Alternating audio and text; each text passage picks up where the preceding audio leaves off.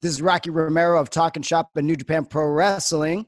Yo, this is the machine gun Carl Anderson of Impact Wrestling and Talking Shop of Mania fame. This is the big LG Doc Gallows of Impact Wrestling and the brains behind Talking Shop of Mania. Thank you all very much for listening to Israel's number one wrestling podcast, the Total Slam Podcast. It's just too sweet.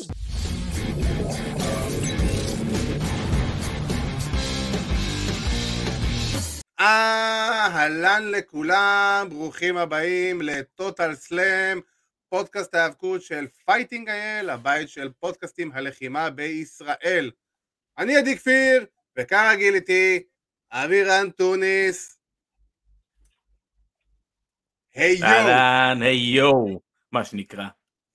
ומצטרף אלינו היום גם מנחה פודקאסט ה-MMA שלנו, Takedown, ארכדי סצ'קובסקי, מה קורה ארכדי? אה, בסדר גמור, בסדר גמור. כמה שאפשר, אתה אומר. כן, כן, כן, כן. אז אה, קודם כל באמת אה, תודה רבה לכל מי שמצטרף אלינו, אנחנו ניתן לכם טיפה להצטרף לשידור. אז אנחנו היום בתוכנית שהיא בגדר, איך אני אגיד את זה, טעמר, יותר אפשר להגיד טעמר, אה, היא תתחיל בטעמר ותסתיים בטעם יחסית מתוק, אני חייב להגיד. אבירן, אתה רוצה להגיד משהו? כן, כן, כן. כן, כן, אתה- אתה אמר, אתה אמר, קצת יושב לי לא טוב. אנחנו חוגגים את, אה, את החיים. אנחנו חוגגים את החיים שלו, ואת הקריירה, ואת הקריירה, appreciation day, appreciation בדיוק. day, appreciation society. בדיוק, appreciation society. בדיוק. אה, כן, הטעם המר הוא נטו שאנחנו איבדנו את אחד המתאבקים, אני חושב שנוכל להגיד פה פה אחד, אחד הכי אהובים עלינו ואולי בכללי, אה, בטח של ילדי שנות התשעים ובטח של כל אוהדי האבקות ב-20-30 שנה האחרונות, זה... אז באמת הפטירה של סקוט הול אה, די הפתיעה את כולנו, זה מצד אחד בא משום מקום, מצד שני אנחנו שמחים שהוא נשאר איתנו עד גיל כזה מאוחר, כי אם היינו מדברים על זה לפני עשר שנים, אף אחד פה לא היה נותן לסקוטו להגיע לגיל 63. אמ, לא, לא, לא, לא ימים פשוטים, איך אני אגיד את זה, הידיעה שזה מה שקורה, שזה מה שהולך לקרות, אה, אני חושב שהכתה את כולנו, גם בקבוצה, בוואטסאפ, ואני חושב שיש סרטון שכדאי שאנחנו קצת אה, ניתן לו את הבמה, וזה הסרטון, אה, חלק מהנאום של סקוט הול ביום שהוא הוצג להיכל התהילה. נראה את זה ונחזור אה, עוד אה, שנייה. Hard work pays off. Dreams come true. Bad times don't last, but bad guys do. אז אה, זה פשוט לשמוע את זה כל פעם מחדש, זה פשוט רגע אייקוני ברמות הכי גבוהות שיש. אני לא חושב ש... שיש מישהו ש... המשפט הזה רץ ברשתות החברתיות בשבוע האחרון בכמויות בלתי נגמרות, ו... ואני רוצה להרים בבלי אה, לכבודו ולזכרו של אה, רייזר רמון, סקוט הול, the real bad guy, האיש שגרם לכולנו לאהוב, עד כמה, לאהוב, עד כמה אפשר לאהוב לשנוא את הבן אדם, את המתאבק, את הדמות. אה, אז אה, לחיי סקוט הול, באמת, אין פה, אין פה משהו הופה. אחר מעבר לזה. לגמרי, לגמרי. עדי, אה, הבטחת לי אבל את הבובה, אתה יודע, ותיקי התוכנית, ותיקי התוכנית זוכרים שבאולפן שהיינו יושבים באולפן, אז לא תמיד. סקוט הול הייתה, כן, תמיד, אה, זה- הבובה של סקוט הול הייתה במרכז, אתה מתכוון לבובה הזאתי. תמיד במרכז של השולחן, לא משנה מי היה, לפעמים היו בובות שלא נכנסות לשידור, כן, ובלי עין הרע, היה לנו שלב. היה שלב שהיה לנו הרבה. בובות. כן, אה, וזה, בובה- הבובה הזו הייתה בנקר. תמיד. אני אפילו זוכר את היום שאשכרה הצלחנו לעשות, אני לא זוכר למי זה היה, את Razor's ה-Razor's Edge. ואז, באמת זה הארדי גם, לדעתי או משהו כזה. נכון, ואז גם, אם אני לא טועה, זה גם מתרסק בסוף, כאילו עושה את כל הנפילה, את כל המוב עצמו, בסוף התוכנית, אם אני לא טועה. אז אה, המוות שלו משדר לכולנו שפשוט מאוד התבגרנו. אה, כן ולא, כן כן ולא, זה צעיר. זה לא אה. ריק, זה כאילו ריק פלייר עדיין חי. כן, טרי פאנק עדיין בחיים, אתה יודע, כאילו, 63 בימינו זה גיל מאוד צעיר, וככה אני אעשה recap קצר למי שאולי לא יודע בדיוק מה קרה שם. אז אה, בשבוע שעבר סקוט הול עבר ניתוח להחלפת ירך, הניתוח אה, קצת הסתבך, וקרישי דם uh, השתוללו בגופו של סקוט הול ובעצם גרמו לו לשלושה התקפי לב בו זמנית, ו... וזה הוביל לשבוע של הידרדרות וקריסת המערכות אצל סקוט הול, עד שפשוט הוא הגיע לשלב במוצאי שבת שהוא צריך להיות מונשם, ואז הגיע הפוסט המרגש הזה של uh, העצוב של קווין אש, שהודיע בעצם לכולם שהולכים לנתק את סקוט הול מהמכונות, מהמכונות ההנשמה, מחכים, מחכים למשפחה, בעצם שיבואו להיפרד, לתת את ההסכמה הסופית לניתוק המכונות. אה, ואיך קראתי באחד הפוסטים? לשלוח את סקוט הול ל- למועדון, למועדון המתאבקים שבשמיים, שרק מחכים לו. אה, והיה מים האמת מאוד מאוד יפה השבוע, אני לא יודע אם יצא לכם לראות את זה, שכאילו רואים את הגב של רייזר רמון, ואת כולם עומדים כזה בשמיים ושולחים לו יד. אני חושב אה, שכל פעם, כל פעם כשמתאבק נפטר, אז מעדכנים את התמונה הזאת ושמים אותו לא, לא, יש בדרך כלל בשערי- בשערי גן עדן. כן, כן, יש את התמונה שבדרך כלל שזה ממש מרים את כולם כאילו בשמיים, אבל פה זה קצת היה שונה, שכאילו ממש רואים אותו כביכול עולה ב- בסולם השמיימה. אה, אני רוצה להתחיל אה, עם ארכדי שהצטרף אלינו היום, אה, בתור אוהד MMA, בתור איש MMA, המון המון שנים. איך סקוט הול, בוא תספר לנו קצת איך סקוט הול אה, מתקשר אליך, איפה הוא תופס אותך, איפה כל אני הדבר הזה אגיד- תפס אני אותך. אגיד שקודם כל אני נדחפתי לתוכנית היום, אני שלחתי ברגע שיצאו הידיעות אה, הודעה לך, ואמרתי אני חייב להצטרף לתוכנית. אה, מי שלא יודע, אני חובב wrestling מושבע, אבל אה, wrestling של פעם. מאוד קשה היה לי באמצע ruthless aggression בעצם להמשיך לצפות ב wrestling כמו שאני אהבתי אותו בתקופה ההיא. אמ, ורייזור רמון או סקוט הול בעצם היה הדמות שהתבגרתי איתה לתוך ה wrestling.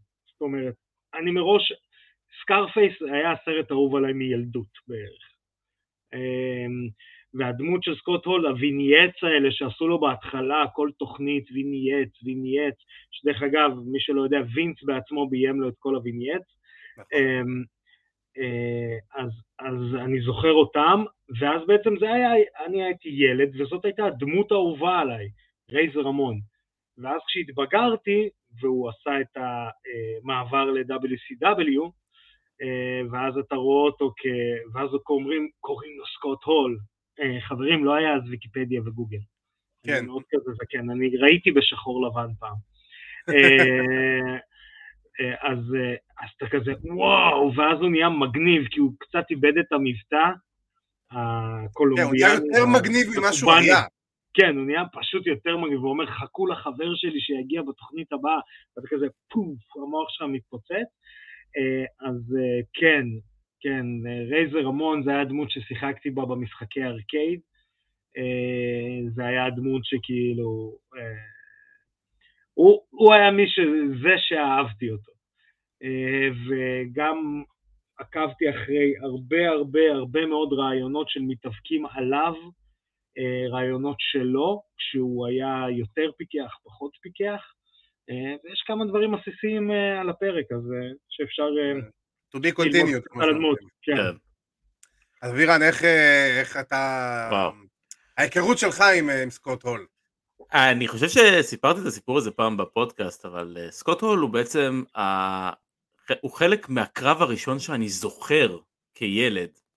אירוע ההאבקות הראשון שראיתי היה רואל רמבל 94, אני תמיד אומר את זה, רואל רמבל 94. קרב הפתיחה ברואל רמבל 94 תמיד ישב לי בראש שהוא אה, רייזר המון נגד אה, IRS על אליפות הבין יבשתית. אה, זה הזכייה הראשונה שלו? אה, לא, הזכייה הראשונה שלו. הייתה השנייה לדעתי. לא, אה, הוא לא, אני חושב שהוא היה אלוף באותו זמן. אה, הוא היה- הזכייה הוא- הגן, הוא הגן על האליפות, אני חושב שזה היה בריצה כן. הראשונה שלו, כן, אבל. הזכייה אה, הראשונה שלו הייתה על ריק מרטל. לא כן. ואחרי battle royal ששניהם ניצחו. אמ, ותמיד ישב לי בראש כאילו זה הקרב הראשון באירוע הזה, כי זה הקרב הראשון שאני זוכר מהאירוע הזה. לימים גיליתי שזה בעצם ברט הארט ואוון הארט נגד ה Quebecers עם הבגידה הידועה. אה, אבל הקרב הזה ספציפית היה הקרב הראשון שאני זוכר. אני זוכר אותו ב- כילד, את כל הסיפור שהיה שם, אה, IRS ניצח ברמאות. אני אומר את זה תמיד ברמאות כי, כי אני הבן אה, בן העשר, זה, זה ככה אני ראיתי את זה. ככה ניצח כולנו ראינו. אבקוד. ואז קרה, ואז קרה דבר נהדר באותו זמן. הגיע שופט נוסף ואמר לשופט הראשי, תסתכל על הטייטנטרון, תראה מה קרה. על עבר. היה ור, היה VAR. השופט הסתכל על עבר, החליט שהקרב אה, אה, יחזור, אה, וכמובן Razor's Edge ופה זה נגמר. לא יודע מה, מה, מה קרה, עם, עם הזמן באמת ועם השנים ומערכת היחסים שלו עם אה, 1, 2, 3 Kid מאוד אה, תפסה אותי כילד והקרבות שלו עם מייקלס תמיד תפסו אותי כילד והדמות הזאת שבאמת הייתה גדולה מהחיים, מין איזה, איזה המצ'יזמו, אתה יודע, אנחנו אומרים תמיד המצ'יזמו הזה, תמיד תפס אותי השרשראות ושהוא היה uh, בא לפעמים ל- אתה יודע, ל- לכרוז או למי שהיה אוסף את הג'קטים. אה, לעיתים זה אה, טוני צ'ימל ראיתי באיזה סרטון אה, אה, לאחרונה. והיה אומר לו את, ה, את המשפט עם, עם הקיסם If anything happens to this, if something happens to this, something will happen to you. ואז משליך עליו, משליך עליו את הקיסם. אה, כל הסיפורים בתש... בסביבות 95 עם, אה, טדי ביאסי אה, והמיליון דולר קופריישן הטיחו את השרשראות שלו, אז זה פשוט תפס אותי, אני זוכר את זה כילד, אני, אני מתלהב ואני כל כך רוצה שהוא, שהוא ינקום בהם, הבחור הרע הזה ש, שאני כל כך אוהב. ואז באמת, גם ארכדי אומר, הגיעו WCW, אה, כולנו יודעת, לא היה, לא היה אינטרנט, לא היה דייב מלצר, לא היית רואה, שומע אה, ידיעות ב Cultaholic, ואתה שומע אה, על אה, בחור, על רייזור רמון ודיזל, שעכשיו הם נקראים סקוט הול וקווין נאש, ושהם היום מתאבקים תחת השם האמיתי שלהם, וזה נהיה הרבה יותר אמיתי, ואנחנו מתבגרים, אנחנו גדלים, וב-1997, אתה יודע, WCW מתחילים משודרים בארץ, ואתה כבר בן 12, ואתה מתחיל, אתה יודע, לאהוב יותר את הדברים היותר אה, אנושיים, בוא נגיד ככה, את הצד האנושי, ופחות הצד המצויר של ההיאבקות באותה תקופה. וזה נכנס בדיוק, זה. נכנס בול. בדיוק, הreality based wrestling הזה, וה attitude wrestling הזה, אתה יודע, זה תחילת האדיטוד. אה, ו-NWO משתוללים. ואני אני מרותק למסך מכל פעם ש, שסקוט הול עולה להופיע, אתה יודע, מבאמת כל הרגעים הגדולים שלו עם קווין נש, אתה יודע, כאלה, אלופי זוגות, ומבחינתי כל פעם שהוא, שהוא מגיע לשם, זה, זה, זה וואו מבחינתי, ואני מבסוט, ואני שמח. ואני שמח באמת שיצא לנו לגדול אה, על המתאבק הזה, כי בעיניי, עזוב, בעיניי מקצועיות גם, אתה יודע, מדובר ב worker באמת ברמה הגבוהה ביותר. זה, זה, יגידו אולי את ה top שלוש שלא זכו מעולם באליפות העולם. לגמרי. אתה לגמרי. יכול להכניס אותו איפשהו שם, אתה יודע, יחד עם אה, פרפקט ופייפר. במקום לגמרי, אין פה- ופייפר, ללא לא חושב שיש ספק בזה. למרות שסקוט הול בעצמו ישים אותו מתחת לפרפקט. כי פרפקט אני מאמין, כן. אני- כן, אני- אני מא- אני מאמין. ראיתי תמונה שלהם. ביחד מה-AWA שהם היו אלופי הזוגות שם. מה, יש את השיר. המפורסם הזה שהם לוקחים באמפ לבריכה בגלל שבחורות דוחפות אותם, הם לוקחים באמפ מוגזם לבריכה, משהו... אין, לא, הם- הם- ראסל רוק רמבל זה נקרא. מעבר, מעבר באמת לכל העניין הזה ולוורקר שהיה סקוט הול, מבחינת הבן אדם שהוא היה, אתה יודע, אנחנו שומעים כל כך הרבה אנשים מדברים על, על, ה- על הבן אדם הטוב שהוא היה וכמה הוא היה באמת אה, אה, אתה יודע, צוחק מאחורי הקלעים, בדיוק שמעתי את בבא, אה, בבא ריי, אה, בבאסטד אופן מספר על פעם ראשונה שהוא פגש את סקוט הול. וזה אה, משהו. ששמעתי, וזה משהו ששמעתי, אתה יודע, את הסיפור הזה, או את הדבר הזה שהוא אומר לאנשים, וגם היאנגבקס השתמשו בזה לאחרונה, שהוא בא ואומר לו, "נ- נ- נעים מאוד, אני מאוד אוהב אותך ואת דיבון, אני כבר ממש מחכה לקבל את הפינישר שלכם ולצאת בשתיים. כן.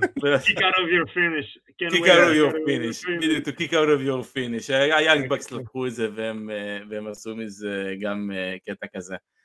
אז זה גם הבן אדם שהוא, אתה יודע, כל כך הרבה סיפורים באמת על, על אה, אנשים ש, שישבו איתו באיזושהי מסעדה והוא שילם את החשבון על כולם פתאום, פשוט אמר להם לא. כאילו, "אה, אתם לא יכולים להחזיר לי, אתם לא יכולים להחזיר לי, פשוט כשאתם תהיו מצליחים, תעשו את זה בשביל מישהו אחר.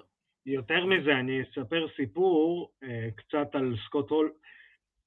רוב האנשים שאני מכיר, אז מכירים רק את החלק הקטן, מראים את סקוט הול מגיע בתור איזה רמון לתוכניות אירוח.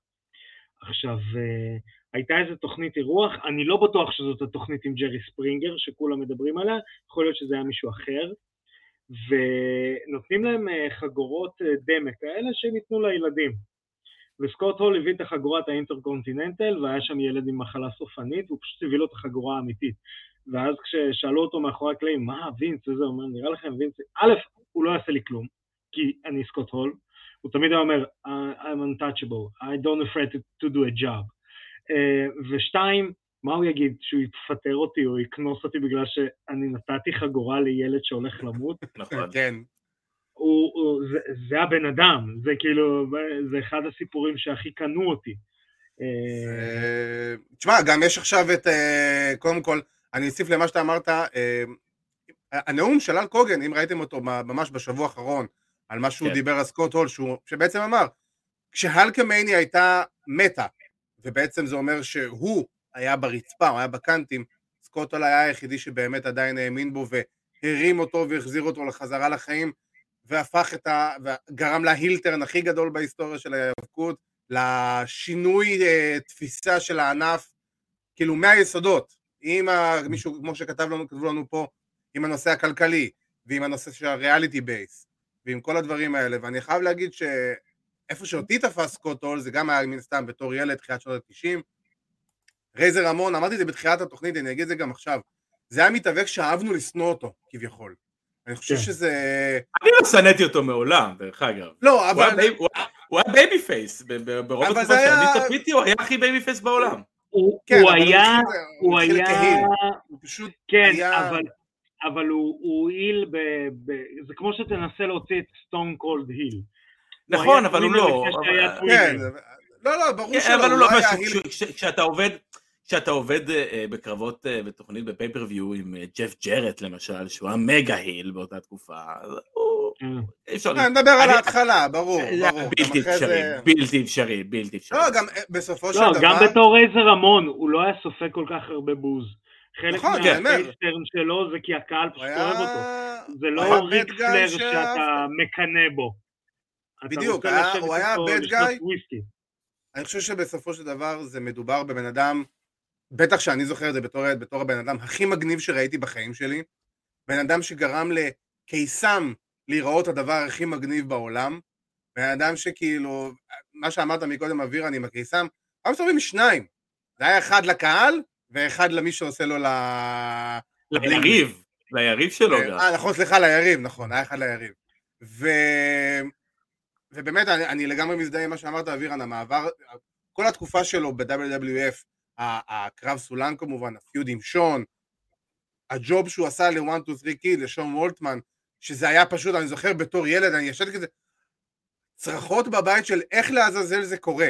כאילו, חבר'ה, אתה בלי- יודע, בלי- בלי- בלי סקוט הול אין שון וולטמן. בואו, זה זה ברור, נורא ברור אין- לכולם. אין ג'ף הרדי. אין, אין כלום. לא, יש ג'ף- כאילו. יש ג'ף הרדי, כי ג'ף הרדי לא ניצח את סקוט הול, ג'ף הרדי היה סתם לא, אבל- enhancement אבל- talent שהיה עם סקוט הול. נכון, אבל, אבל כשהוא עשה, היה enhancement talent זה היה אמור להיות אה, job בדקה, ומה שקרה בסוף זה שסקוט הול נתן לו offense. offense, כן. כן. כן. ואז כולם אמרו, ואז סקוט הול הלך מאחורי הקלעים ואמר, חבר'ה, כש- אני כבר חסין, כשהוא יהיה כוכב הוא יזכור אותי, הוא אמר את זה לווינס.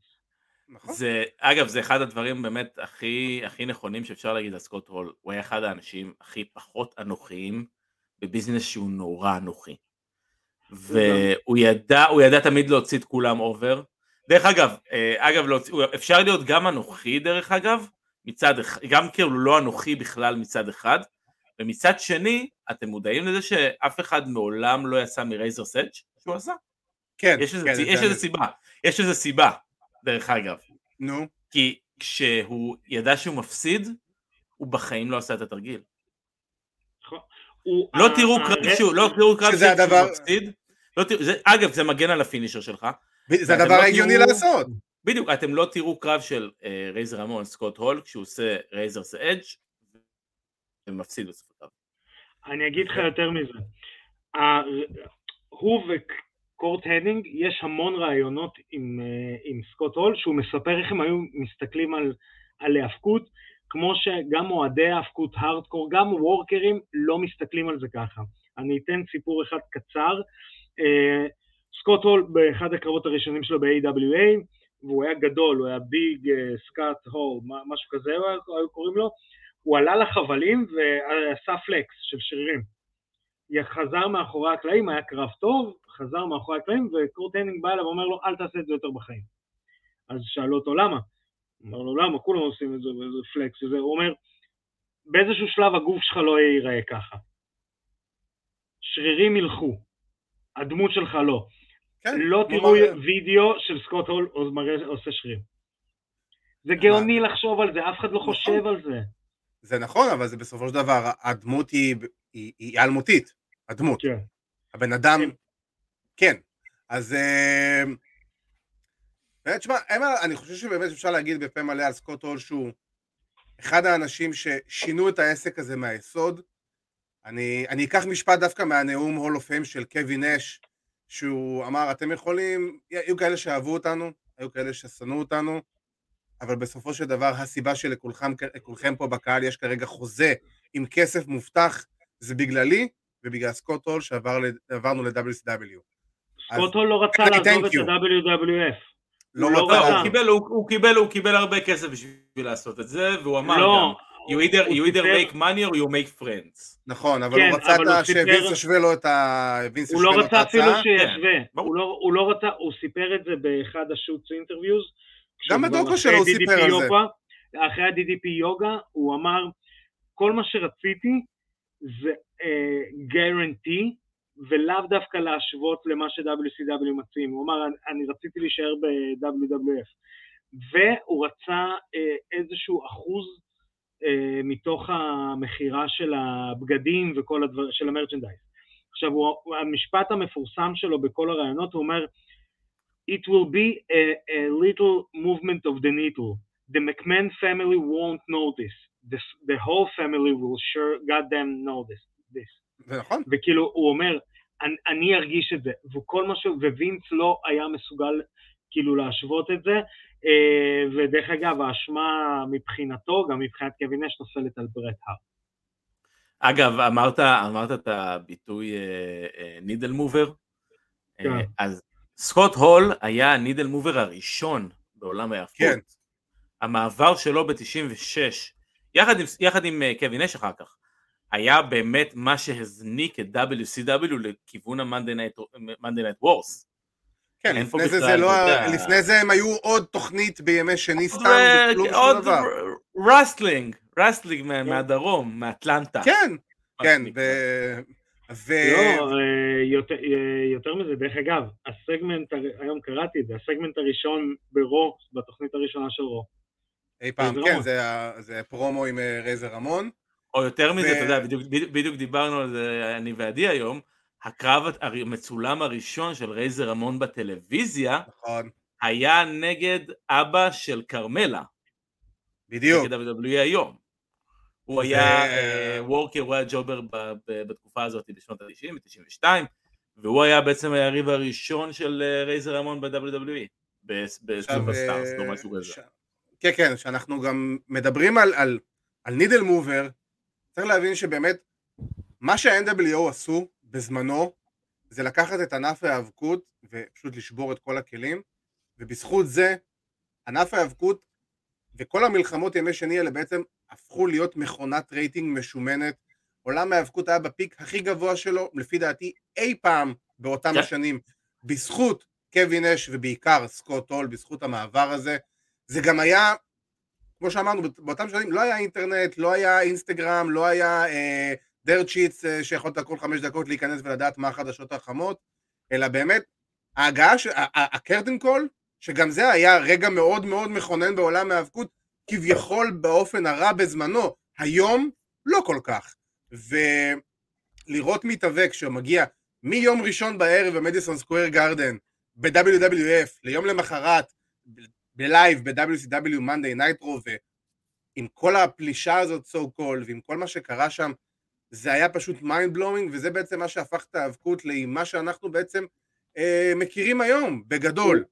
הוא, ו- הוא במשפט אחד ב- באותו זה, באותו, באותה תוכנית של אה, נייטרו, הוא במשפט אחד פשוט שינה את מה שאריק בישוף ניסה לעשות, להפוך את WCW מהיאבקות דרומית, מה שנקרא, למשהו אה, גלובלי. הוא אמר, כן. I'm here in WCW, כן. הגיחוך הזה של WCW, זה מה שכאילו אה, עשה את ה... וואו, אוקיי, עכשיו זה בינלאומי. כן. זה- Where's כאילו- billionaire Ted? כן, שזה גם היה- זה גם כל הפרומו הזה הוא גאוני, כי זה הכל רפרנסים לירידות של WWF בזמנו על WCW ברו, ו- וגם הקטע של ה- של לשחק בין המציאות לדמיון, סליחה, אה, לשחק כן, בין כן, המציאות כן. לדמיון של הקטע של You know who I am, but you don't know why I'm here. זה אה, בזמנו, 1995-6, זה כאילו בום, המוח שלך מתפוצץ, אתה יושב בטלוויזיה ואתה הדבר המדהים הוא, איך הדבר הזה קורה? הדבר המדהים הוא שאף אחד באמת לא יודע, לא הקהל וגם לא לפעמים ה- האנשים ב- במשרד של WCW, אתה יודע, כש-WWF המתאבקים בוודאות לא ידעו. כש-WWF באו ואמרו אנחנו מחזירים בשבוע הבא את אה, אה, רייזר רמון ודיזל ב-96 זה אחד הדברים הכי אוקיי. מצחיקים בעולם. זה אחד הדברים הכי, זה, דבר מדהים כי פתאום הסתכלו עליהם, על הול ונש ואמרו להם כאילו מה, מה, הסיפור? מה, מה הדיבור? אתם הולכים? אתם, אתם עוזבים? אמרו, לא, אנחנו לא יודעים. בואו לא. קחו, בואו קחו. וזה עשה מזה שהם קיבלו חוזה חדש עם יותר כסף. כאילו שהם היו הם אולי פחות זה. משנה בתוך החוזה הראשון. כן, וכשהם כשהם מדברים על זה והם יושבים והם צופים במוניטור כשזה קורה, עכשיו הול, הול אמר שהוא יודע כי, אה, כי הם עשו אה, אודישנים לתפקיד של פייק רייזר, אז הם כאילו, הם, הם סוג של ידעו מה הולך לקרות, אבל הם לא, גם לא אמרו שום דבר. אז באמת, זה, מי זה, יגיד? זה אחד מה... כן, ברור. בואו, אתם רוצים לתת לי עוד כסף? בואו, אני אחתום. הפ- ה- העיניים שנפתחות של קווין נאש, שהוא סיפר את הסיפור הזה בדוקו עליו, where could I sign? where do I sign? כאילו, אני- כאילו, אני אתן תופין קטן על הקטע הזה, על הקו מחשבה הזה. אה, אתם יודעים שקווין נאש הוא היה אמור לשחק ב X-Men הראשון את סייברטות'. אה, לא, אני רק ידעתי שהוא שיחק בצבי הנינג'ה 2 המקורי. זה כן, אבל הוא היה אמור להיות סייברטות' ב X-Men הראשון, אוקיי. אה, ואז, אה, ושאלו אותו למה לא לקחת את התפקיד. זאת אומרת, הציעו לי איזה 20 אלף דולר לנסוע לחצי שנה להצטלם לסרט X-Men, או להרוויח מיליון דולר לחודש ב-WCW. נראה לי עשיתי את הבחירה הנכונה. ברור, ברור. עכשיו, אני, אני גם רוצה לדבר על זה שאיך סקוט הול השפיע על דור העתיד. מעבר לה, להשפעה של, ה, של הדמות, אם יש מתאבק היום שאנחנו יכולים לראות את ההשפעה on the spot ב-Monday Night Raw זה דמיאן פריסט. אני זוכר ששמעתי לפני שנה או שנתיים, את, נראה לי זה היה Talk'n Shop של אה, גאלוז ואנדרסון, והם הביאו שם את, אה, את סקוט הול לדבר, והוא סיפר שהוא, כל התקופות שהוא הגיע בתור המאמן אורח כזה ל Performance Center וכל זה, והוא אומר שם, הוא לא אמר את השם דמיאן פריסט, אבל כאילו די ברור לפי הסיפורים. הוא אומר, יש שם בן אדם שהוא פחות או יותר בגודל שלי, רק הוא הרבה יותר אתלט ממני, וכאילו, ואני רואה אותו בי, גרסת שנות האלפיים, ואני אני, אני, אני רואה אותו סופג ממני, אני באמת מצליח להעביר לו כמעט את כל מה שאני רוצה, ואנחנו רואים היום את דמיאן פריסט משתמש ב Razor's Edge, כמו שהוא עשה לבלור לפני שבועיים, אחרי הזכייה. גם לא? השבוע. גם, גם השבוע עשה לו את זה? אחרי הזכייה שהוא עשה לו את זה. ו- ובאמת הוא אומר כאילו, דמיאן פריסט בתור מתאבק, פשוט למד מסקוט הול את כל מה שסקוט הול היה יכול להעביר לו בתקופה הזאת שהוא היה מאמן אורח, וזה מדהים, כי אנחנו רואים היום את דמיאן פריסט, ואני יכול להגיד, מבין המתאבקים הבודדים היום שיש ברו, שאשכרה אני רואה אותו פוטנציאל תוך שנה, שנתיים יכול לעלות במעלה ה card, להיות אחד הכוכבים המרכזיים של WWE, כי באמת יש לו הכל. ו- לא- לא- לא נהפוך את זה, לא נהפוך את זה לדיון על דמיאן פריסט. לא, לא, ברור שלא, זה הרבה- לא הרבה. שלא, הרבה הרבה לאן ברור, אבל הכיוון עד חיובי. שהוא יגיע לכיוון זה, לכיוון זה אה, סקוט אני חושב שזהו. אין בעיה כשאתה לומד ממישהו משהו, הדברים שסקוט הול עשה, נגיד, אה, ראיתי ראיון ששאלו אותו מאיפה הגיע ה spooky fingers. ההוא הזה, שסטינג אחרי זה גם גנב ממנו.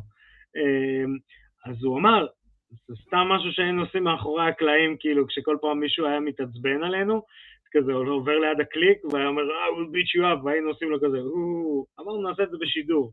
הם היו עושים דברים שהם היו עושים ברגיל, כאילו זה, זה לא... זה, לא- זה הם לא משהו דמויות. שמאוד נפוץ, משהו כן. שמאוד נפוץ מאחורי הקלעים כזה בתקופה הזאת בטח. אה, אני לא יודע, אני יודע שרק הם היו עושים את זה בתקופה לא, לא, ההיא. shit, אני מתכוון, אני מתכוון shit שאתה עושה מאחורי הקלעים, תמיד איפשהו מוצא את עצמו, כן. מוצא דרכו. אה, כן? לא, אבל נדבר על תחשוב כמה. דברים איקונים סקוט הול עשה. הוא עשה את הפתיחת ידיים, הוא עשה את ה spooky finger, הקיסם, ה surfing, אה, כאילו כל, יש לו, אתה יודע, ל- ל- לדמויות יש כמה, אולי שתיים, שלושה catchphrase ואיזה תנועה, זהו. סקוט הול היה לו מגוון של כל דבר. הבן אדם הכי מגניב, the coolest guy in the game, כאילו אין פה... זה. אה, ראיתי, אפילו ראיתי היום אה, פרומו שלו מ-NWO שהוא עושה את ה- את ה survey, והם עומדים כזה כולם עם אריק בישוף והכל, והוא פשוט כאילו, תוך כדי הדיבור מקבל כוס של איזה שתייה לראש, וכאילו אתה רואה אותו, לא מזיז עפעף, ואז כאילו מסיים את מה שיש לו להגיד, ולוקח את כל השתייה וכאילו מורח את זה על הג'ל שיש לו השיער, וכזה. ואז אריק בישוף כזה, Don't sell it. לגמרי, כאילו, הכי כאילו, אתה יודע, זורם עם העניין ולא אכפת לו, זה באמת בן אדם שאם אנחנו, אנחנו מפארים מאוד את סקוט הול, היו לו את השדים שלו, היו לו את הרגעים המאוד מאוד מאוד מאוד נמוכים שלו, אבל אה, שאני בטוח שאם הוא היה יכול, הוא היה מעלים אותם, ואני גם מפה רוצה לדבר על, על התחייה מחדש של סקוט הול, כי כל מה שקרה עם DDP, וה-DDP יוגה, זה באמת, ש-DDP גם בכללי היה אחד החברים הכי טובים של סקוט הול, hell, DDP גם היה כאילו זה שהכניס אותו ל-WCW בזמנו, בתור ה Diamond Studd. ו... ו-DDP באמת פשוט לקח את הבן אדם, שיקם אותו, אני זוכר, קראתי, שמעתי באמת ב Busted ששמעו את הראיון, ש... איזה קטע מראיין אותו, שהוא אומר, שהוא ראה מה ש-DDP עשה עם ג'ייק דה סנייק, והוא אומר כזה, הוא אמר לעצמו, hell, אם אני יכול, אם הוא יכול, אז גם אני יכול, ופשוט עברתי לגור עם DDP לחצי שנה, אם אני לא טועה, והוא סיפר לפי הראיון הזה שהוא היה גר בהמשך הדרך שלו, כאילו באותו רחוב איתו, ו, ו, ובאמת, DDP באמת, בן אדם גאון, אני, אני, כל כך שמח שיש את ה-DDP יוגה, אני- על מה שהוא עשה לסקוט הול ספציפית אפילו. אני זוכר, אתה יודע, סרטונים שיצאו באותה תקופה אה, של פרומוטרים שדי ניצלו את אה, סקוט הול באותו זמן. אוי, זה היה נוראי, אה, נוראי, כן, נוראי, ו- נוראי. והביאו- והוציאו אותו באמת לזירה, באמת במצבים, במצבים שהוא לא היה צריך להיות בזירה. היה צריך להיות בבית חולים. נורא, הוא צריך להיות בבית חולים, הוא צריך להיות בגמילה, הוא צריך להיות בבית, הוא צריך להיות בכל מקום שהוא לא הזירה. שהוא לא מול אה, קהל. שהוא לא מול, בדיוק, שהוא לא מול קהל ולא מצולם, ובשבילי זה היה כל כך קשה לצפות בזה. וואי, זה היה אחד ש- הדברים הנוראים. כן. אחד, הראיונות, אחד הראיונות הכי טובים שיש לסקוט הול, והם פרסמו את זה עכשיו באופן חוקי בערוץ היוטיוב שלהם, זה ה YouShoot שלו ל Kayfabe Commentaries. זה אולי בתקופה הכי טובה שלו, אחרי ה-DDP יוגה, אה, צלול, הכל, אה, ממליץ לכולם. אה, ארכדי, תשלח לנו לינק ונפרסם את זה אצלנו בעמוד, אני ובזה אני. חושב שזה משהו שמאוד לעניין. את הקהל. כן, זה אה, סוג של רעיון שבו הקהל שואל בעצם את סקוט הול שאלות, בלי פילטרים, בלי כלום, הוא מדבר על כל הקריירה שלו, על סמים ועל הכל. לתת תופין קטן לפני ה... תיתן, תיתן איזה... אה, תפן אותנו. בשביל מה אתה פה, תגיד לי? כן, קווין נש מספר שאלו על חוויית הסמים שלהם, של ה-NWO. אז הוא אומר, תקשיבו, זה היה ככה, שון וולטמן נכנס עם ג'ארה של 100 כדורים, אה, אין לנו מושג של מה, מה זה. טוב, אני מסתכל, כי סקוט הול אומר, אני לא יכול לקחת אה, אה, downers, נראה לי הוא לא יכול לקחת, או משהו כזה, כי הוא גדול, והיה במחלות לב, לא משנה. אז הוא אומר, אני מסתכל, רואה שם, יש שם כזה כמה מיליגרם של קפאין. הוא אומר, טוב, אז זה לא הולך לשלוח אותנו לנוקאוט. אה, אז היה מהכדורים, היו שלושה, שון וולטמן, סקוט הול, לא, ש, שון מייקלס, סקוט הול וקווין נאש, ואז הם כולם לקחו 33, וסקוט הול לקח 34, והיה שבור, וסקוט הול אומר, אמר כזה, וקווין אש אומר כזה, and Scott is like, you know what I got, what I got knocked out, because I took 34, 34, not 33. זאת אומרת, זה- זה היה הכדור ששבר את, אה, את גב הגמל. אז אה, כן, הם ככה היו, ככה הם היו חוגגים. יש סיפור זה- מדהים, אתם מוזמנים לשמוע עוד אחד על אה, איך כמעט עצר אותם אה, אה, שוטר באנגליה עם, אה, עם כמות חשיש בלתי נתפסת, וסקוט הולד יצא מזה, ולא רק יצא מזה, כל החשיש נשאר גם. אז באמת, ארכדי, תשלח לנו את הלינק ואנחנו... נשלח. אנחנו זה, נפרסם אותו בעמוד. אני באמת רוצה לסיים את הקטע פה על סקוט הול, וזה שזה בן אדם שביחד עם עוד ארבעת החברים הכי טובים שלו, באמת, בתקופת הפיק של ענף ההיאבקות, שלטו בענף, בשני הצדדים של, ה, של המלחמה, בין אם זה NWO ב-WSW, בין אם זה DX ב-WWE, ואני יכול להגיד ש... NWO מבחינתי זה היה הדבר בזמנו הכי מגניב בעולם. עד היום, אני מגיל 18, הציצור שלי בפלאפון, זה, זה NWO. זה כאילו... ו, ותמיד, אבירן, אני יודע מה אני תמיד נזכר בזה? שהיינו עושים את כל ה setup לתוכנית באולפן, באגו טוטל, אז תמיד היו מתקשרים, איכשהו תמיד קרה מצב שהתקשרו אליי באמצע, ואז כזה, אני לא עונה לטלפון כזה, זה, זה חצי דקה של כזה, אנחנו יואו, כזה של הכיף, ואז סבבה, אני עונה לטלפון. זה, זה, אה, אני דרך אגב ממש, אני דווקא יותר אהבתי את הציטוט של הוולפפק, את השיר של הוולפפק. הוולפפק גם היה פצצה, והיה... גם זה, ברור, ברור, זה... אני רק? אני רק, אני רק לפני שאנחנו נעבור הלאה, אני רק אזכיר שני רגעים אה, שבאמת בעיניי הם רגעים של סקוט הול classic. אה, אחד זה אה, ה taser gun לגולדברג, שעזר בעצם לנש לנצח. איך אני אהבתי באוויר שזה. קרה. וואו. רגע מדהים, רגע מדהים בעיניי. השני זה ה Diamond Cutter הטוב בהיסטוריה, שזה בעצם ה babyface turn הגדול של דיימונד דאלאס פייג', שכביכול. הצטרף לזה, והם עשו את ה spot, שהם לוחצים את היד, ואז הוא מושך את סקוט ישר לתוך ה Diamond Cutter. סקוט קיבל את זה בצורה מושלמת, הוא מכר לו בצורה נהדרת, תמיד גם אמרו, ביים קיצרו- את זה. כן, כן, קיצרו להם, כן. קיצרו להם, כן, הוא ביים- הוא ביים את זה כדי שזה פשוט יהיה בצורה הכי טובה, וכל פעם הורידו להם את הזמנים, הורידו להם את הזמנים מ-10 דקות ל-8 דקות, ל-6 דקות, נכון. ותמיד, והוא ונש אמרו לו, עזוב, הכל בסדר, אנחנו live, מה הם יעשו? יצאו החוצה ויגידו לכם, תסיימו?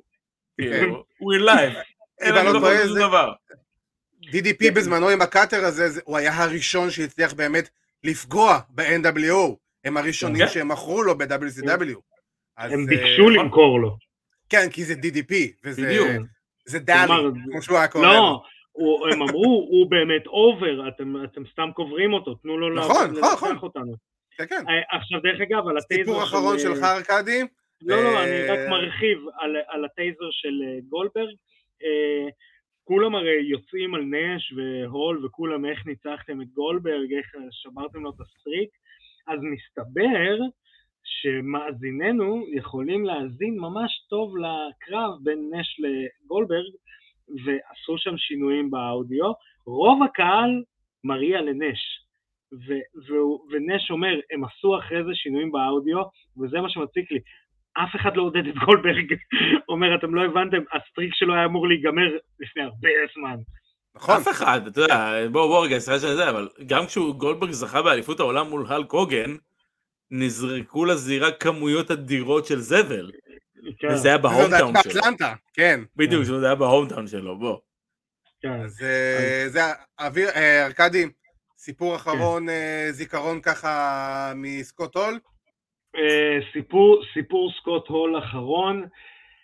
אה, רגע סקוט- גדול שלו, רגע גדול שלו מבחינתך. בוא נעשה לך את זה יותר קל. רגע גדול, לא משנה איזה רגע.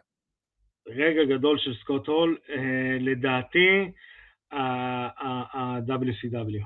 WCW זה כאילו, היה רגע מבחינתי כשאתה, יש רגעים שאתה בתור נער מתחיל להבין פתאום סטנדאפ של מבוגרים, אתה מתחיל להבין אה, סרטים של מבוגרים, אה, אתה מתחיל להבין כאילו את הדברים שההורים שלך רואים, הרגע הזה ש... ה- ש- ה- שלב שסקוט הול- המרדנות מגיע.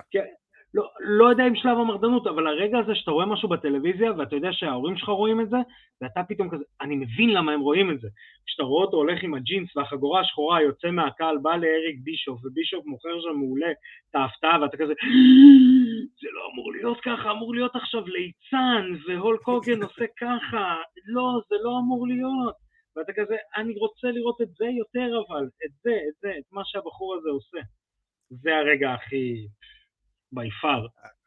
אני, אני מסכים עם, עם, עם הרגע שלך, ומן הסתם גם עם הרגע של אבירן, ואני אקח את הרגע, אני חושב שהוא הכי קלאסי של סקוט הול, שתי חגורות בידיים על סולם, אני חושב שזה הקרב סולם, הוא הראשון שהיה מצולם, כי זה לא באמת היה הראשון של. WWE, אבל עד לא, היום זה מבחינת... היה- היה- היה להם- היה להם קרב שהיה מצולם דווקא לשון ולברט, וזה הראשון שהיה במניה. שון וברט, שון וברט היה אה. מצולם. ו... אבל זה עדיין פשוט רגע אייקוני, שפשוט אני אומר לעצמי, זה, זה רגע שייזכר לעד, אתה תגיד קרב סולם, אתה תגיד סקוט הול, שון מייקלס, ואתה תמיד תיזכר ברגע הזה שסקוט הול שהוא תולש את החגורות ונופל אחורה, ואז עולה ועומד עם, ה, עם, העמידת סקוט הול שלו, אייקונית, פשוט אייקונית, כאילו... אני לא חושב שיש מישהו שגדל בשנות ה-90 בישראל שלא זוכר, שלא זוכר את הקטע הזה, וגם יכולנו לראות שבכל האתרים בארץ, כל אתרי החדשות והספורט בארץ, פרסמו ידיעה על הפטירה של סקוט הול, וזה רק מראה את ההשפעה שלו על, אה, על הקהל הישראלי גם, בסופו של דבר. כן. אז אה, ארכדי, אני רוצה פה לשחרר אותך, להגיד לך תודה רבה. אנחנו נסיים לכם, את הדיון. אנחנו. נסיים ב- בשמחה גדולה ובאהבה, ואנחנו נסיים את הקטע איתך בסרטון עוד פעם, של סקוט הול במשפט האיקוני שלו בהול אוף פיים. Hard work pays off. Dreams come true. Bad times don't last, but bad guys do. וחזרנו, חזרנו, חזרנו. אה, ומי מי שלא, מי שלא עכשיו אמר את זה בקולי קולט את הקטע הזה, כשהוא שמע אותו, הוא אין לו משקר לנו. ולעצמו. הוא משקר, בדיוק, כן, משקר. שקר גס. אני גם, אתה, אתה, אתה ממלמל את זה איתו, אתה, אתה, אתה, אתה חי איתו, אני זוכר. אני חושב שזה אולי הנאום מיכל תהילה שהכי ריגש אותי. כי אף אחד לא ציפה באמת לראות מתישהו את סקוט הול בהיכל התהילה בחיים. לא, אה, גם הוא אמר את זה. הבן אדם- הוא 2 time hall of famer. כן, כרגע, אני מדבר בזמנו. כן, זה יכול. להיות יותר. כן, אבל זה, מה אנחנו מדברים על זה יותר 2013? אנחנו מדברים על 2013 הוצג, 14. 2014, משהו כזה? כן.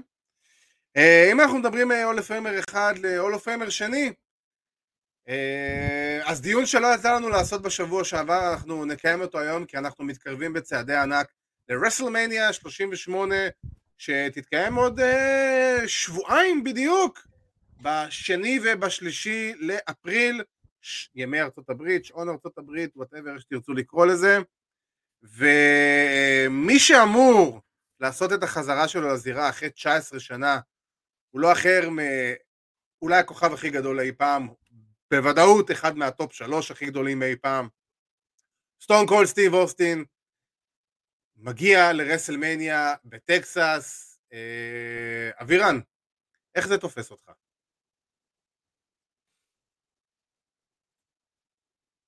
אבירן לא שומע אותי. אני לא יודע למה כן, הוא לא לא. אני- אני- אני נק- נקטעת חבל על הזמן עכשיו, ולא שמעתי מילה בערך ממה שאמרת. אה, אוקיי. אז מה שאמרתי זה שסטון קולד חוזר בעצם לזירה אחרי 19 שנה אה, לרסלמניה, אחד האולופיימרים, אחד המתאבקים הכי גדולים אי פעם, לדעתי ב top שלוש בקלות,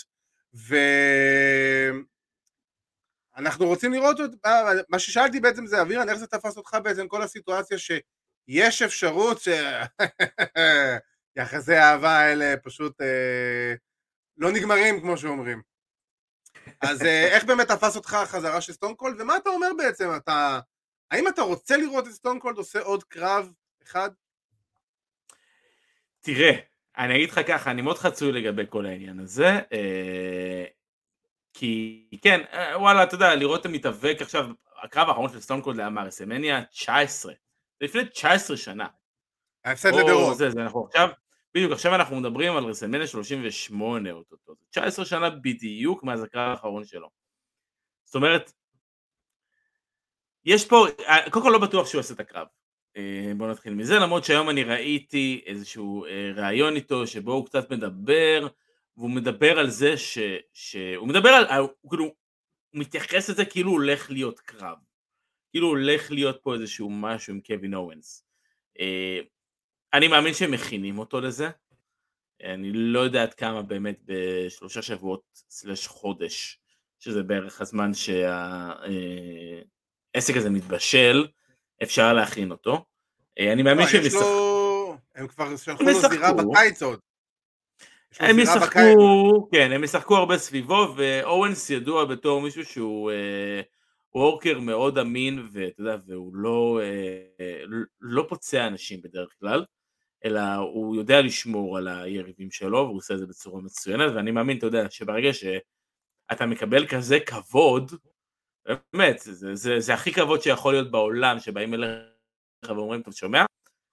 אתה הולך לעבוד במניה עם סטון קולד סטיב אוסטין, אתה כאילו תשמור עליו? כאילו, אה, כן, אני אשמור עליו, אתה מתחיל לשים צמר גפן עליי, צמר גפן על הידיים שלך, שבטעות לא יקרה משהו. ואני לא מאמין שזה, קודם כל באמת, נכון עכשיו אין קרב, אז אני מאמין שאם יהיה משהו, אז הוא ייבנה הערב הראשון של מניה. לא ראיתי בדיוק אם הם אה, הכריזו עדיין מתי הוא יהיה, אבל אני מאמין שזה יהיה בערב הראשון.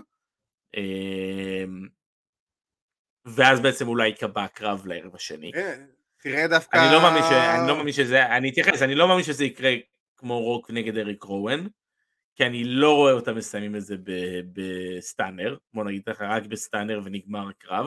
הרי בשביל זה אתם לא צריכים לעשות קרב, אתם פשוט יכולים לתת לו סטאנר בסגמנט. כן, ב-KO כאילו... שואו וזהו. בדיוק, אין פה, אין פה את העניין הזה, זה לא... אתם לא חייבים לעשות הקרב, בוא נגיד ככה, אם זה הסיפור. אה, שואלים אותנו, אה, אסף סמו שואל אותנו, למה הוא קיבל את הקרב, האם זה בגלל החוזה החדש שלו, האם זה מה שגרם לו לחדש, כי אין משהו מיוחד שדווקא מולו. יכול להיות. אה, יכול להיות שזה משהו שהם פיתו אותו ואמרו לו, אוקיי, אם תחדש, אז אנחנו נוכל לתת לך. יש קשר בין סטון קולד לקווין אוונס, קודם כל, הוא נתן לו את האישור להשתמש ב stunner, ואנחנו יודעים שהטיפ הכי טוב שקווין אוונס אי פעם קיבל בקריירה, היה מסטון קולד סטיב אוסטין, שאמר לו, never stop talking. אז כאילו, קווין אוונס גם אמר את זה באין ספור מקומות, אז אני מאמין שאיכשהו נותנים לו בכוונה את הכבוד הזה, כי כי זה חלק, יכול להיות שזה באמת היה חלק מהעניין של החוזה, בוא נגיד, אני די מאמין שזה אחד, אחד הדברים שהציעו לו במשא ומתן של החוזה, להארכת החוזה, שאמרו לו, בוא, בוא, אם תנשאר, קיבלת פרס במאניה. אה, כן, אני מאמין שזה היה בעצם, כאילו, אתה יודע, אמרו לו, קרב מרכזי ברסלמניה, לא מיין איבנט, ולא אה, קרב על האליפות, ולא זה, אבל כן, איזשהו קרב מרכזי, גדול. זה מרקי מאץ'. אה, אני מאוד מקווה בשבילו, שיהיה לו את הקרב הזה מול אוסטין ברזומה, כי זה דבר ש, שטוב ש, שמגיע למתאבקים מסוימים לקבל. האם אני רוצה לראות את אוסטין בזירה 19 שנה אחר כך? לא יודע, תשמע, אה, זה יכול להיות מה שנקרא, זה או הצלחה כבירה או התרסקות אדירה, אחד מהשניים, זה לא יכול להיות באמצע. זה העניין, אתה יודע, זה כן. יכול להיות שון מייקלס, שון מייקלס בסעודיה, מצד אחד, וזה יכול להיות ריקי סטימבוט פתאום. אה, אה, צ'אנטים של you still got it, אני לא יודע מה אוסטין כבר יכול לעשות יותר מדי. בוא, ובינינו, אוסטין לא עשה איזה מי יודע מה הרבה בקריירה שלו. לא, הוא היה hard hitter, בוא, הוא לא היה... הוא היה brawler, הוא היה ברולר, הוא הוא יודע לתת את הסטומפים שלו בפינה, והוא יודע לתת את האגרופים שלו, ואני חושב שמקסימום התרגיל הכי אה, פיזי, אתלטי שהוא עושה זה אה, לוטס פרס. כן. מסכים איתי? שהוא-. שהוא קופץ, כאילו, בפעם היחידה כן, נו, הוא בקרב. קופץ ונוחת על הברכיים הדי הרוסות שלו, אבל אני שאם אתה עושה את כן. זה פעם אחת בקרב, אתה יכול לעשות את זה. כן, אז מישהו יהיה יכול לעשות את. זה גם עכשיו. יהיה זה- מעניין. זה, אני חושב שמעניין זה בדיוק ההגדרה. אני, אני גם 50-50 לגבי הדבר הזה, כי מצד אחד אני אומר, זה יכול להיות, הרגע כרגע יהיה ממש ממש מגניב. כל המסביב, כל הבוג'ירס, כל ההפקה, הזכוכית, הבירות, הסטאנר, הכל, יהיה סופר מגניב. אבל אני באמת, לגבי קרב, כי בוא, כמה זמן יכול, הוא יוכל למשוך קרב? מדובר במתאבק, בבן אדם שהוא כבר עבר את גיל ה-55, ו... אז כמה קרב הוא ייתן? כאילו, אתה יודע, אתה אומר לעצמך, אם הם יעשו קרב. פרופר. ש- שבע דקות. אני, ב- אני חושב שהגזמת, אתה לא, לא, ש- אני... אני אסביר לך למה, זה שבע דקות אם אתה מכניס טרשטוק, אם אתה מכניס אה, אה, רגעים שהקרב מת בחוץ, יודע, אה, לא יודע, אורנס זורק את אוסטין החוצה ו- ואומר, אה, אה, תראה, תראו אותו, תראו כן, אותו, כיסא הוא לא בגב, עשה משהו... זה- אה, אתה, אתה יכול למשוך את הקרב, יש הרבה דרכים למשוך קרב, הכל בסדר. אני חושב שהם יקבלו, תשמע, זה קרב במניה, בוא. זה עדיין אני קרב מאמין ש... במניה. בוא נגיד כזה דבר, כמו שרשמו לנו פה, חמש עד שבע דקות כולל כניסות, אני מאמין לא, שזה כולל משהו... כניסות זה אומר קרב של של- של שתיים, של שתיים שלוש דקות. בהתחשב בזה שהכניסה אני- שלו, בהתחשב לא בזה מאמין שיש רמפה, רגע, בהתח- בהתחשב בזה שיש רמפה נורא גדולה, בהתחשב בזה רגע, רגע, שהכניסה ואם שלו, הוא בא על זה שלו, על הטרקטורון שלו, מה? אז הוא בא הוא מהר בא מאוד. מהר, מה? אז לא, אז אני אומר, לא, אבל הכניסה של אוסטין היא איקונית, הוא יעלה על. אה, הוא יעלה ברור. על הטייטן טרון, ארבע הוא פינות, בוא, אני זוכר כזה שלו. דבר. יהיה המשחק- של אה, פלאשים. המשחק, המשחק סמאקדאון הראשון שיצא לפלייסטיישן, הכניסה של סטון קולד במשחק זה הכניסה הכי ארוכה במשחק. עד כדי כך, אז אני מאמין שבאמת אה, ייתנו לו...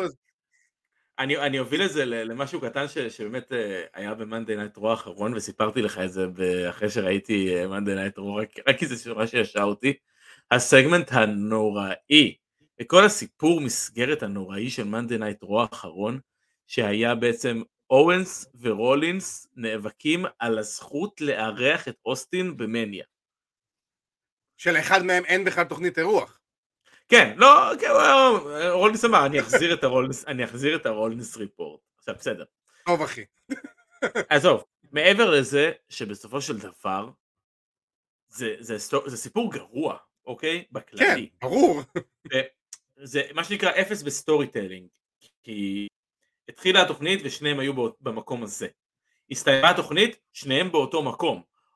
אה, אוונס מחכה לאוסטין במניה, ולרולינס אין קרב. אז אתה יודע, זה, זה, זה היה פשוט נוראי לחלוטין.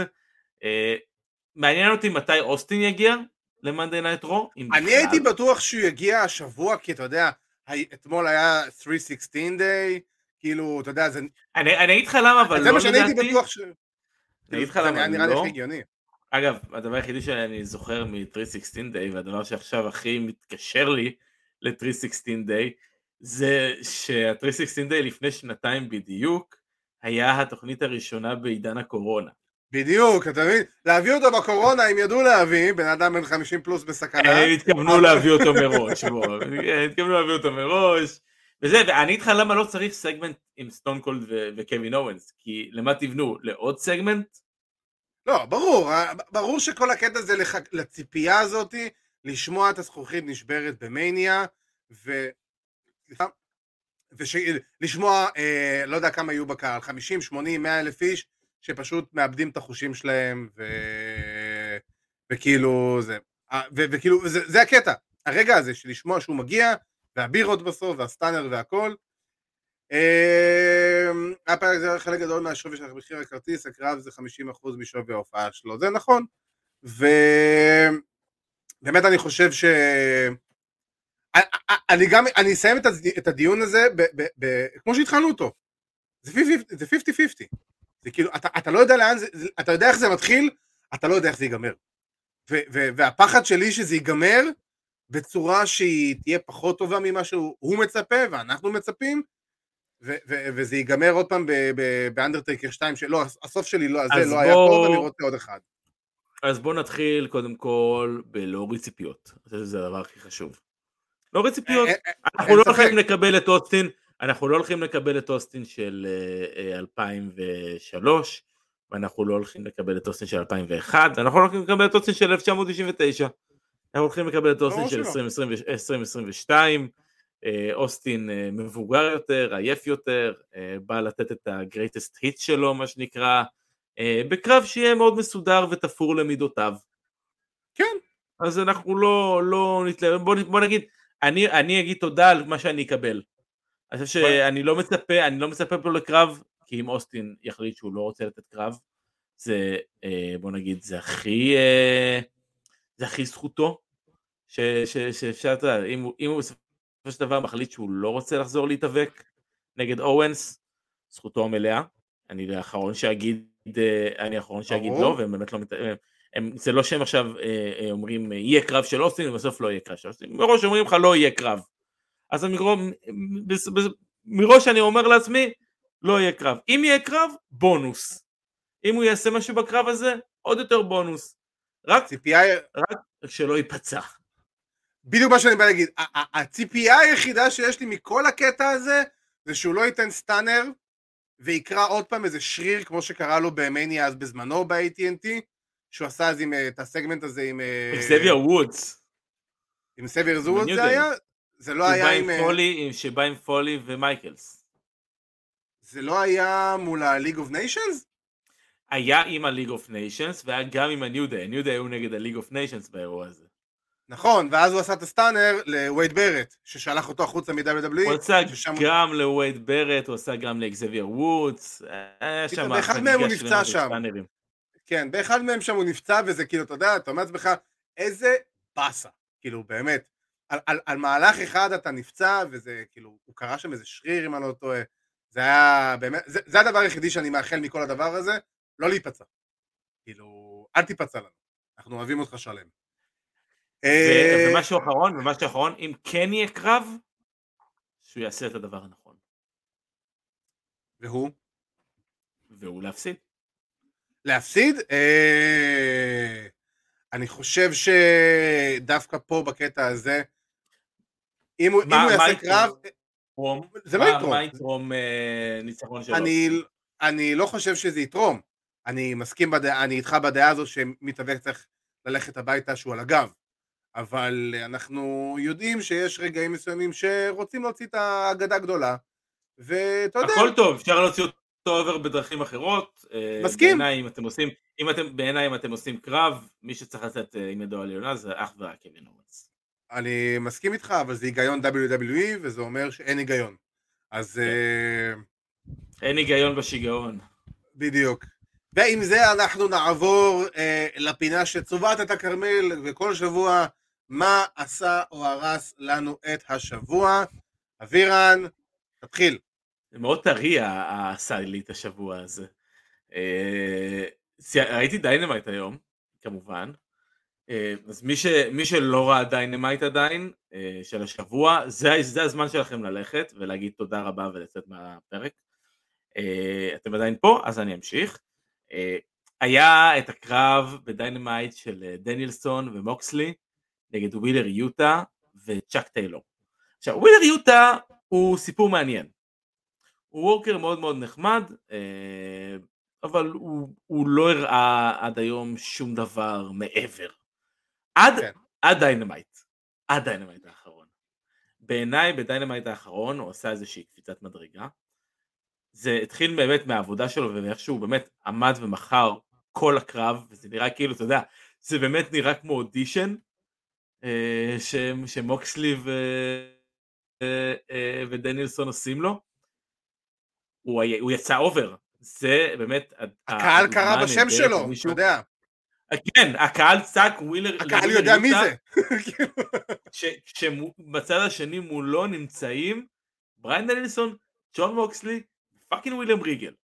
אז אתה יודע, זה, זה וואו, ובעיניי גם אה, מה שבא אחר כך, אה, כל הסגמנט הזה שהוא בעצם בא לריגל ונעמד מולו ומציע לו לחיצת יד, וריגל עם סטירה שבאמת, רק כל הלב. ריגל, רק, זה, סטירה שרק וויליאם ריגל יכול לתת, כי כי היא כל כך טובה. כל הרגע הזה, הסיפור של את כל- השדרנים אחרי זה. הכל, הכל, הכל, הכל, הכל. סיפור כל שמסבירים הסיפור- בדיוק את הכאפה. ועשו את החיבור של הכאפה. בעיניי כל הסיפור הזה של אה, דניאלסון ריגל מוקסלי אה, והקבלה של המתאבקים אה, כביכול לסטייבל שלהם, בעיניי הדבר הכי טוב שיש כיום ב-AW. אם הם הצליחו. לי לגרום לזה שאני רוצה לראות את ווילר יוטה יחד איתם, הם הצליחו. אז אני אקח את מה שאתה אמרת. האמת שהשבוע היו לי שני דברים שעשו לי את השבוע, למרות שפתחנו את התוכנית ואת השבוע הזה בחדשות מאוד מאוד רעות. אני, הדבר הראשון ש... שהוא עשה לי את השבוע, קרה היום, והוא המשך ישיר למה שאתה דיברת. השבוע וויליאם ריגל התארח ב Talk Is Jericho. ואני לא יודע אם יצא לך לשמוע את את הרעיון הזה. עדיין לא, ש- שמתי לי את זה ב-to-do list, מה שנקרא. בוא נגיד כזה דבר, שהרעיון הזה הוא לא מה שהיה אמור להיות לפי מילותיו של קריס ג'ריקו, הוא הפך להיות משהו הרבה יותר גדול ומשמעותי מזה, ברמה של הוא לא הצליח לדבר איתו על נושא אחד שהוא תכנן איתו מראש, והם הוסיפו עוד תוכנית לשבוע הבא, כי פשוט מה שקרה זה, זה היה שעה שוויליאם ריגל מספר על את כל מאחורי הקלעים על הקריירה שלו, והוא אמר את הדבר הכי mind blowing ששמעתי אולי ever, הבן אדם הזה היה שלוש פעמים על סף מוות, הבן אדם הזה היה, בוא תקשיב טוב, הוא סיפר, מ-1992 שהיה לו קרב שהוא קיבל אה, מכה לא טובה בצוואר, עד היום שהוא פרש בזירה, כמה שנים אחרי שהוא פרש בזירה, הוא גילה שהוא, לא יכול, ש, ש, שהוא נס רפואי. הרופא שבדק אותו לקראת הניתוח של הצוואר, זה הרופא שעושה את כל הניתוחי צוואר של WWE, יש את השם שלו שהוא נורא מוכר, פשוט ברח לי השם שלו, אני לא זוכר, אולי אתה זוכר. הוא אמר לו, תקשיב, אני לא יודע איך אתה עומד מולי על שתי רגליים.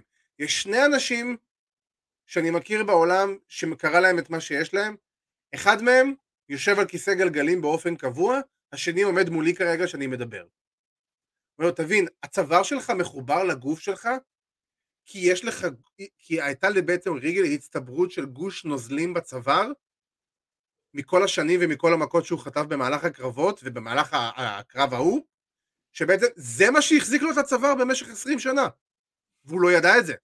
זה בן אדם שלפני הניתוח הזה ג'ריקו העיד בפרק בלייב, הוא אומר, ריגל אומר, אני לא ישן, לא ישנתי בכל ה-20 שנה הראשונות של הקריירה שלי, וג'ריקו אומר, זה נכון, הבן אדם לא היה ישן לילות, וריגל סיפר שאחרי הניתוח צוואר הזה, זה בעצם הפעם הראשונה שהוא ישן כמו בן אדם, בפעם הראשונה מזה 20-30 שנה.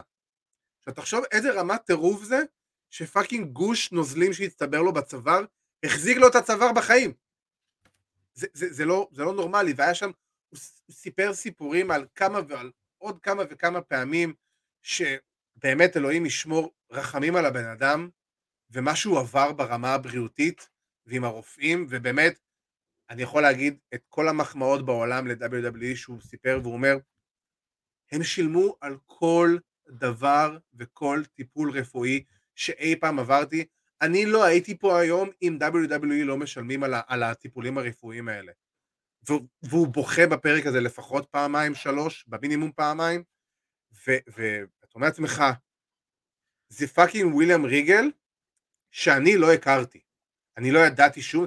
עזוב שאני לא ידעתי, ג'ריקו, שזה אחד החברים הכי טובים שלו, מסתבר בק- בקריירת ההיאבקות, ג'ריקו אומר בשידור, תשמע, חצי מהדברים פה שאתה מספר, אני לא ידעתי עליך בכלל.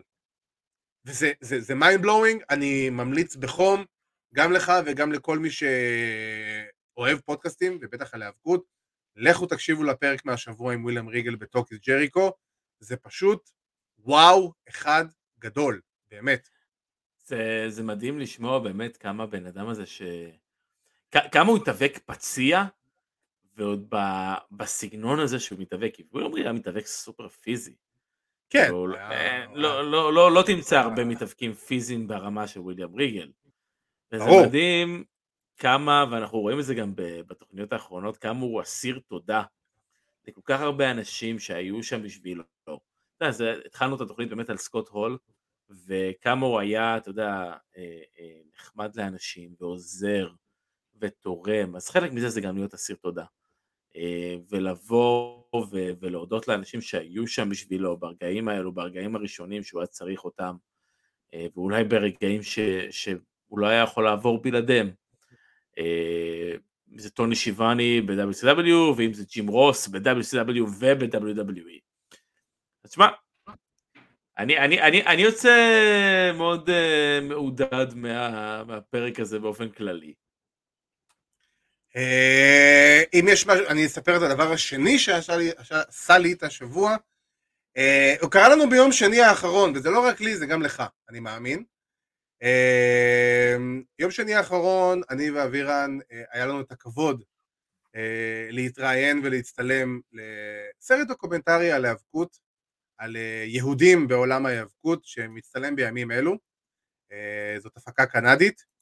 של אה, החבר'ה שהפיקו בעצם את הסרט הדוקומנטרי על האיירון שיק ואנחנו, היה לנו את הכבוד באמת אה, גם להיות חלק מהמרואיינים ובעצם כל הצד ההפקתי של הסרט בארץ. אה, למי שככה יצא קצת לראות ברעיון, ברשתות החברתיות, אבירן סיפר על ההיסטוריה של ההיאבקות הישראלית ואני סיפרתי על ההיסטוריה של היאבקות בישראל שזה, ואיך בעצם אבירן פשוט שמע את זה ופשוט החליט שלא בא לו, הוא אומר די, אני לא מסוגל יותר, אבל uh, ככה זה באמת היה לנו כבוד גדול uh, להצטלם, לחל, לה, להתראיין ולהצטלם לסרט הזה, שנקרא Superstars of David, ובעצם אה, הסרט עכשיו בהתהוות, אה, ייקח לו קצת זמן לצאת, אבל זה באמת הייתה חוויה באמת מאוד מהנה עבור שנינו, ואבירן כרגע אומר לי שהתנתק לו האינטרנט, אז זה גם האקורד סיום שלי. אה, לסיים, אז אני אסיים עם זה.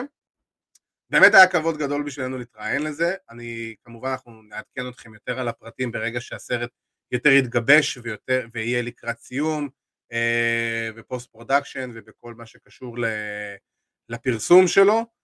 וזה באמת היה כבוד בשבילנו לייצג את, אה, את ההיאבקות הישראלית ואת ההיאבקות בישראל בסרט שמתעסק, בסרט דוקומנטרי שאמור להתעסק על יהודים וישראל אה, בעולם ההיאבקות לאורך המון המון שנים, צפויים שם הרבה אנשים מעניינים, כמובן שברגע שיהיו לנו יותר עדכונים לגבי הסרט אנחנו כמובן נעדכן. אז אה, בנימה אופטימית זאת, אני רואה שאבירן מתנסה להתחבר אלינו, פשוט האינטרנט שלו נפל, וזה מה שקורה שמחוברים לחברת אינטרנט הפחות טובה בישראל שמספקת שירותי אינטרנט. אמ, אז אנחנו, אה, תודה רבה, תודה רבה, ואנחנו באמת ככה, או, אבירן, הצטרפת אלינו בדיוק בשנייה שאני בא לקפל. אני סיפרתי על. היום, סיפרתי על ה, בקצרה על היום צילומים שלנו, שהיה לנו ביום שני, לסרט סופרסטארט אוף דיוויד, שהיה לנו כבוד גדול, ומשפט שלך על מה שהיה? אה, מדהים אותי שאנחנו הולכים להיות בדוקו, אתה יודע, שנמצאים בו כאלו שמות גדולים ו- ומדברים על, אתה יודע, על, אה, על היאבקות באופן כללי. זה בטח היאבקות אה, בישראל. והיאבקות ישראלי. בישראל, אתה יודע, ולבוא ולייצג את. זה למרות שאני חושב ש- שהקטעים שלי אה, אה, ייקטעו, אה, ייחתכו בעריכה, משום בוא מה. נגיד שיקחו אה, חלקים מה- מהקטעים שלנו, וברור שזה לא יהיה, אה, כן, כן. בוא נגיד, זה לא יהיה 20 אנחנו- דקות, חצי שעה המלאות האלה. אנחנו או פול היימן ו-MJF, אז אני מאמין שזה... אה, תתפלא, אבל בגלל שאנחנו מישראל, אז יהיה לנו נתח מסוים בסרט. אני לא אומר או מבטיח שהוא יהיה חלק גדול, אבל אנחנו נקבל את החמש דקות של התהילה שלנו. אני יודע, אני, אני יודע שהדבר הכי טוב זה שעדי האוס פאטר לא יהיה חלק מהסרט. בבא בום, ברנד. רגע, רגע, כן, כן. זה בשבילך, עדי האוס פאטר. וואו. צ'יקו. ועם זה, אנחנו נסיים את הפרק הזה שהוא התחיל... אה, הוא היה, ב, כמו שאמרתי, הוא היה קצת אה, חמוץ מתוק, ובסופו של דבר באמת אנחנו, היה לנו את הכבוד אה, לחגוג את חייו של אה, סקוט הול, באמת אחד המתאבקים הכי אייקונים ש... שהיו בשלושים שנה האחרונות, ובכלל אני חושב בענף. אני חושב שאין בן אדם שלא זרק קיסם על פרצוף של בן אדם אה, מאותה, מאותה התקופה, ו... ופשוט כאילו ההגדרה של מה זה להיות מגניב ומה זה להיות קול בכל צורה אפשרית. אז באמת, אה, מפה אני רוצה להגיד תודה רבה לסקוט הול על כל הרגעים האלה, אנחנו בוודאות לא נשכח, אנחנו רק נמשיך להלל ולפאר ו- ולזכור תמיד עד כמה גדול הוא היה. אני רוצה כמובן להזכיר לכם, לעקוב אחרינו, שאפילו מרוב כל הרגש שהיה בתוכנית הזאת, אפילו לא הזכרתי את הרשתות החברתיות שלנו ואיפה אפשר למצוא אותנו, בפייסבוק, באינסטגרם, ביוטיוב, בספוטיפיי, באפל פודקאסט, בכל פלטפורמות פודקאסט אפשרית שתרצו, אנחנו שם. Uh, כמובן הפרקים המלאים שלנו uh, יהיו כמובן באתר וואלה ספורט. אה, השיתוף פעולה הנהדר שלנו עם וואלה ספורט ממשיך ואנחנו מאוד מאוד שמחים ומעריכים על כך. אז אה, גם הפרקים של טוטל סלאם בוואלה ספורט, כמובן אנחנו רוצים להגיד תודה רבה לארקדי סצ'קובסקי, מנחה פודקאסט ה-MMA שלנו טייק דאון, שגם את הפרק האחרון שלהם תוכלו למצוא באתר וואלה ספורט, שגם שם האמת הוא דיבר קצת על סקוט הול אה, לפני כל מה שקרה. ואני רוצה להגיד תודה רבה לכל מי שהצטרף אלינו לפרק הזה. אה, תודה רבה לכם, מאוד, מאוד מעריכים, מאוד מודים, וכמובן אנחנו נשמח אם תוכלו לדרג אותנו אה, בין אם זה בספוטיפיי, בין אם זה באפל פודקאסט, זה מאוד מאוד חשוב. כל דירוג, אפילו מינימלי שלכם, עוזר לפודקאסט שלנו לעלות במעלה... לא מינימלי, חמישה כוכבים כאילו זה קרב, זה קרב של מלצר ביפן, מה זה הדבר הזה? כן, כאילו זה אומגה נגד אוקדה ב-2017. זה אומגה אוקדה, שישה כוכבים תביאו להם, שש ורבע. שש וחצי, לא סתם. כן. בבום, זה כולל הבריכה וארוחת בוקר גם. ועם זה באמת אנחנו רוצים להגיד תודה, אז אנחנו נשמח אם תדרגו אותנו. אז uh, באמת תודה רבה לכולם. תודה רבה לסקוט הול. אני הייתי עדי כפיר, זה אבירן טוניס, ואבירן, אני חושב שהפעם אתה חייב, ואפילו די כדאי שתצטרף אליי. שיהיה לכם uh, המשך סוף שבוע, too sweet.